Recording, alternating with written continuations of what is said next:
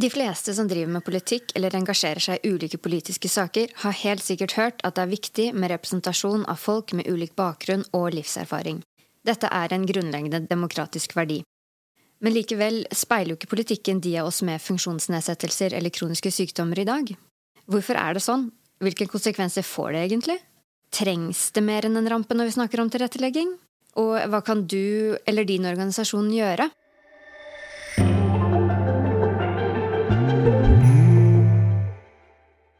Jeg heter Oda Oftung og bruker pronomen hun og henne, og jeg er rådgiver i Unge funksjonshemmede. I dag så har jeg med meg nestleder i Høyrefunk, Henriette Nilsen. Hun er nylig blitt nominert fra sitt parti og stiller til valg for Høyre i Oslo. Gratulerer og velkommen. Tusen takk. Henriette, kan ikke du fortelle litt om din vei inn i politikken? Jeg startet med å være politisk engasjert når jeg var rundt 15-16. Eh, og da starta jeg i typiske organisasjoner for funksjonshemma og kronisk syke. Så jeg starta i Norsk cøliakiforenings ungdom eh, når jeg var 14-15-16 år. Eh, og så har jeg da videre jobba interessepolitisk. Og på et tidspunkt så var jeg leder av Norges Handikapforbunds Ungdom. Og det var da jeg innså det at jeg kan også være engasjert i politikken gjennom partipolitikk. Eh, og da gjorde jeg et valg om at når jeg var ferdig med å være leder av NHFU, så begynte jeg da uh, å engasjere meg i Høyre. Uh, og grunnen til at jeg valgte å vente til etter at jeg var ferdig med å være leder i NHFU, er jo det at når du jobber interessepolitisk, så skal du være iallfall så godt som mulig uh, ikke engasjert i noe partipolitikk, for du skal være politisk uavhengig. Men når jeg da var ferdig med interessepolitikken på den måten og har et såpass høyt lederverv, så valgte jeg å, å gå over i vanlig politikk. I denne podkasten skal vi snakke om barrierene som mange funkiser, dvs. Si personer med funksjonsnedsettelser og kronisk sykdom, møter på, og hvordan man bokstavelig talt da kan få plass da, i organisasjoner og i politikken. Hvordan var det for deg å gå over i ordinær politikk fra interessepolitikken? Det å gå over i partipolitikken var jo på mange måter et litt sånn sjokk. For det at jeg møtte jo da noen nye barrierer som jeg ikke hadde opplevd tidligere. Eh, jeg måtte plutselig begynne å tenke på er det lokalet jeg skal inn i, eh, universelt utforma. Kommer jeg inn med rullestolen min? Har de tenkt på at jeg kanskje må ha med meg en assistent på de møtene jeg skal på? Eh, tidspunktene på møtene var ikke ideelle alltid. De var ofte tidlige møter eller seine møter når kanskje ikke det passa helt for min del ut ifra mitt funksjonsnivå. Eh, det var sakspapirer som kommer ut seint, kanskje bare dagen før møtene. Mye papirer å lese gjennom, og ofte i utilgjengelige formater som ikke jeg kunne bruke bl.a. Eh, opplesningsfunksjonen på Mac, f.eks. Så er det også noen utfordringer knytta til transport.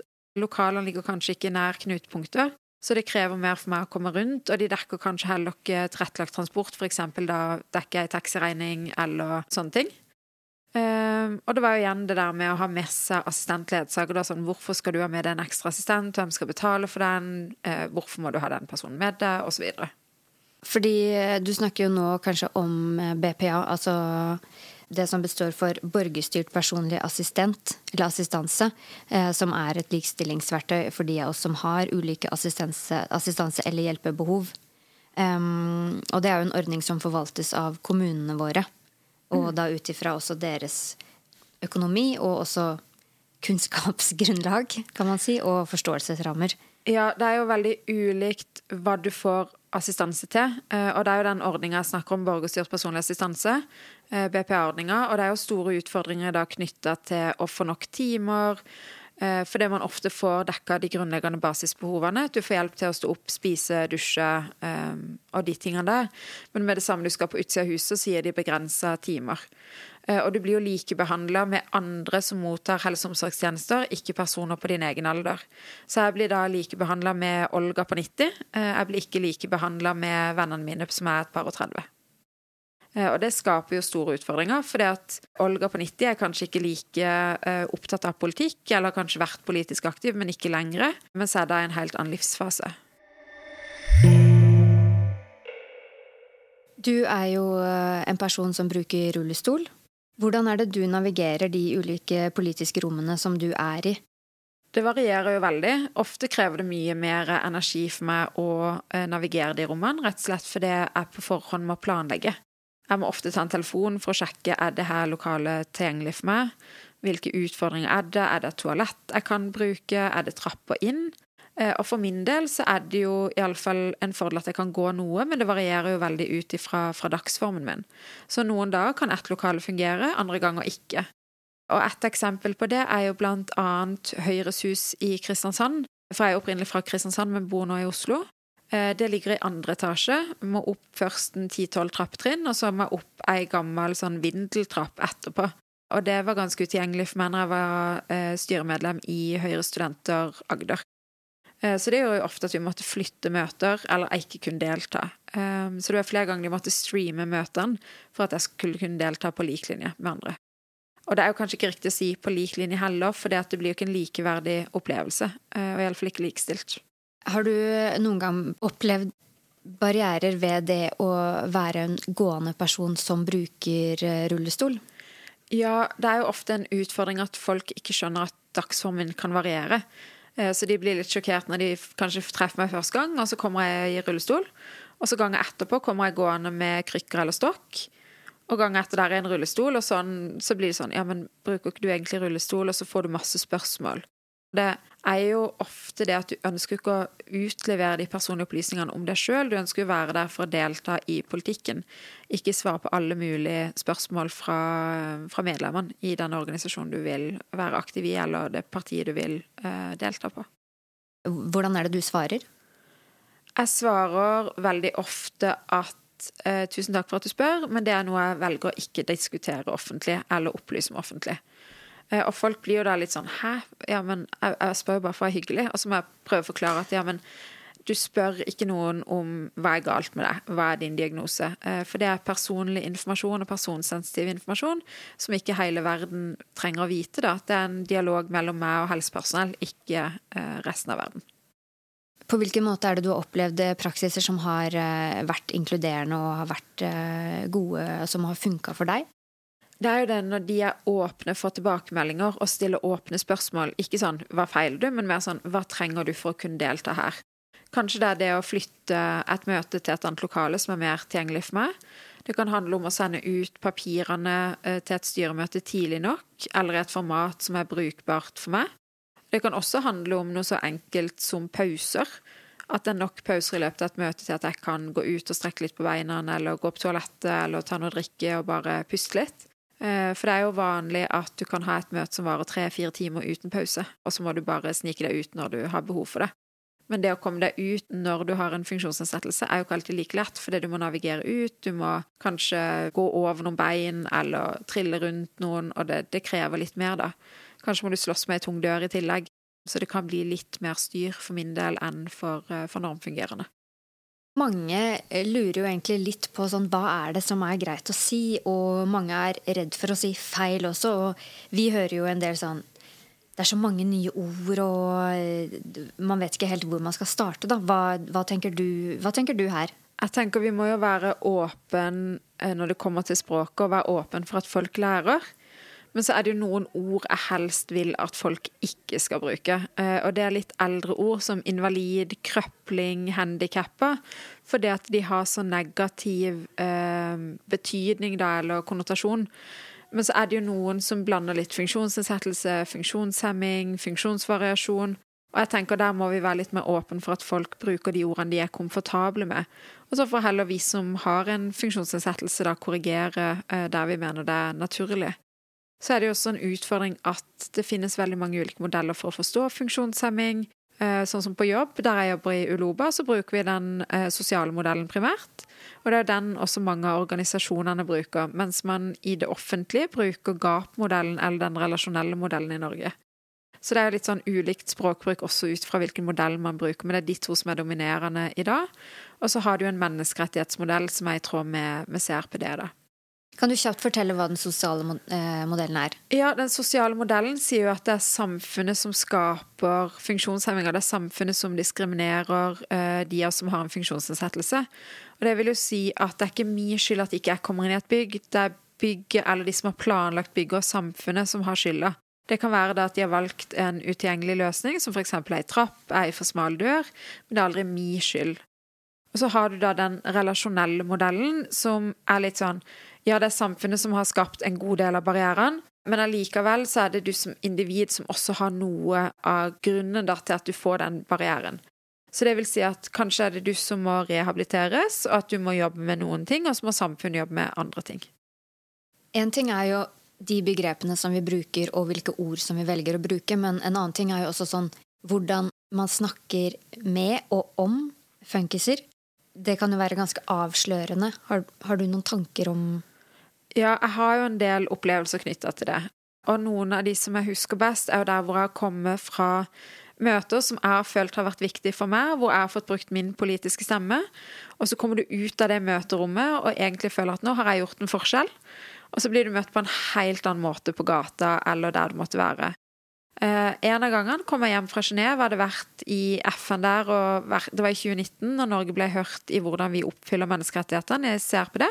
Og så kommer jeg på Oslo S, og så er det ei gammel dame som kommer bort til meg, stryker meg på kinnet når jeg sitter i den elektriske rullestolen, og der satt jeg i dressjakke, høye hæler, eh, var liksom på vei av flytoget. Så stryker han på kinnet og sier, eh, bøyer seg ned og sier 'Kan jeg hjelpe deg med å finne sporet, vennen?'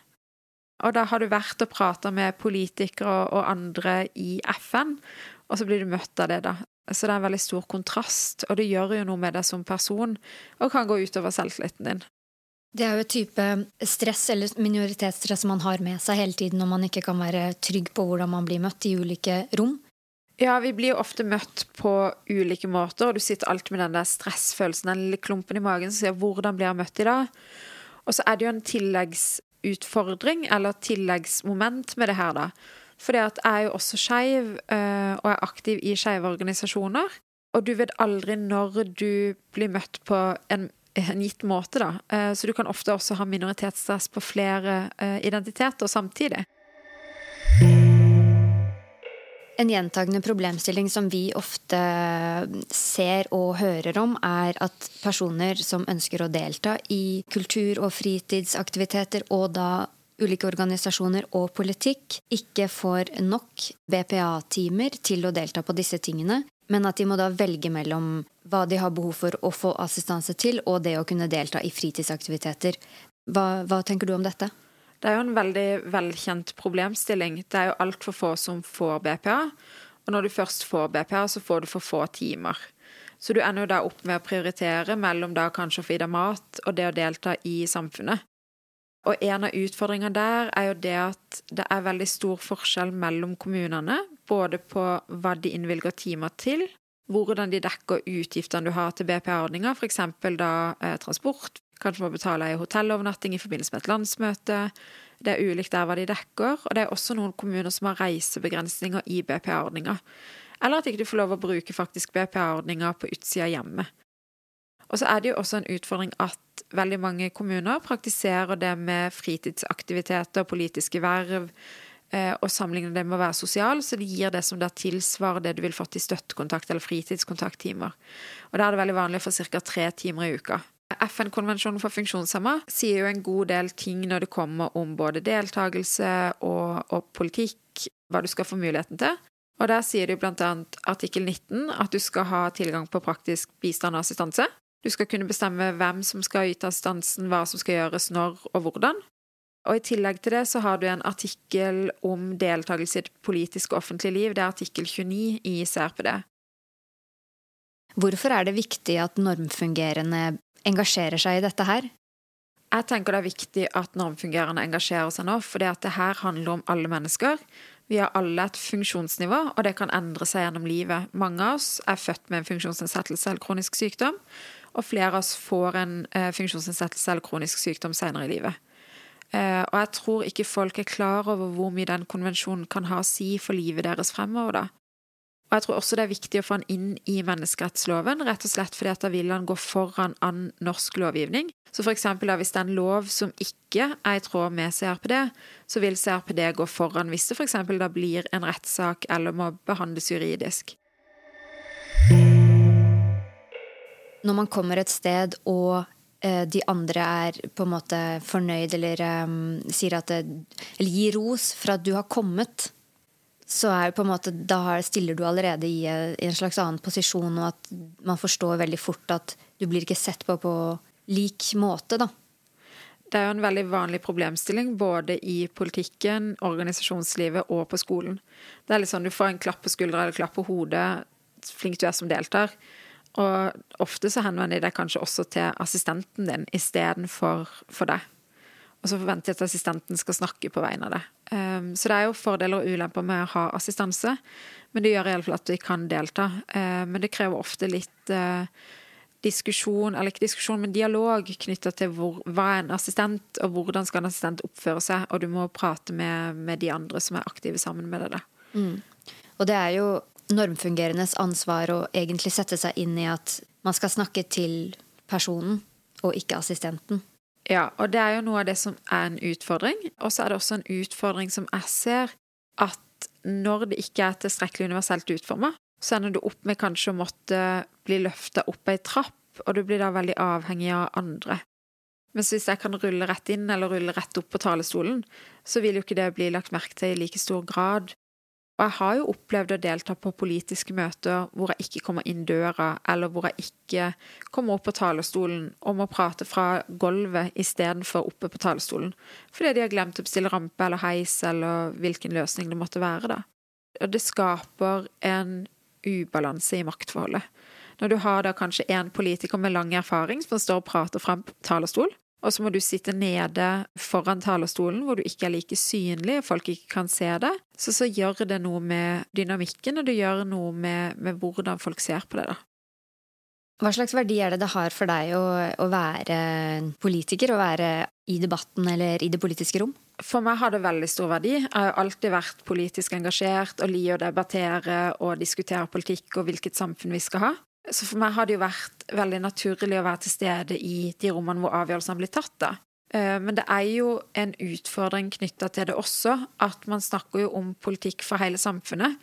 Men så glemmer man kanskje da eh, mangfoldet. Eh, man glemmer skeive, man glemmer funksjonshemmede, man glemmer kanskje kvinner med innvandrerbakgrunn. Eh, det, det, er mange utfordringer da knytta til, til, politikken også. Og det er da vi trenger alle stemmene til stede i de politiske rommene for å påvirke.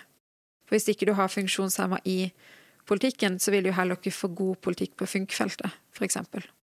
Hva er det du syns er det viktigste å jobbe mot nå? Akkurat nå så går det jo veldig mye valgkamparbeid for min del. Eh, jeg stiller til valg både i, til bystyret i Oslo, og så er jeg nominert til bydelsutvalget også. Eh, jeg er nominert på andreplass fra nominasjonskomiteen på, i Stovner Høyre. Og da krever det jo mye fremover både tid og krefter med å stå på stand, påvirke hvordan valgprogrammene skal være, skoleringer eh, osv.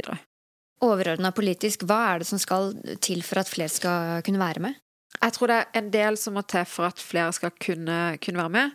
Og det jeg har lyst egentlig å fremheve først, er jo det å inkorporere CRPD i menneskerettsloven. Det vil ikke gi oss flere rettigheter, men det vil tydeliggjøre våre rettigheter. Og det vil føre til forpliktelser. Og så er det jo også det å følge opp anbefalingene fra eh, CRPD-komiteen, de som overser hvordan land oppfyller CRPD. Og der står det annet noe om hva de ønsker at staten Norge skal jobbe med, knytta til det at funksjonshemmede skal delta i det politiske liv. Eh, og jeg tenker også det må følges opp det med anbefalingene eh, knytta til BPA-ordninga.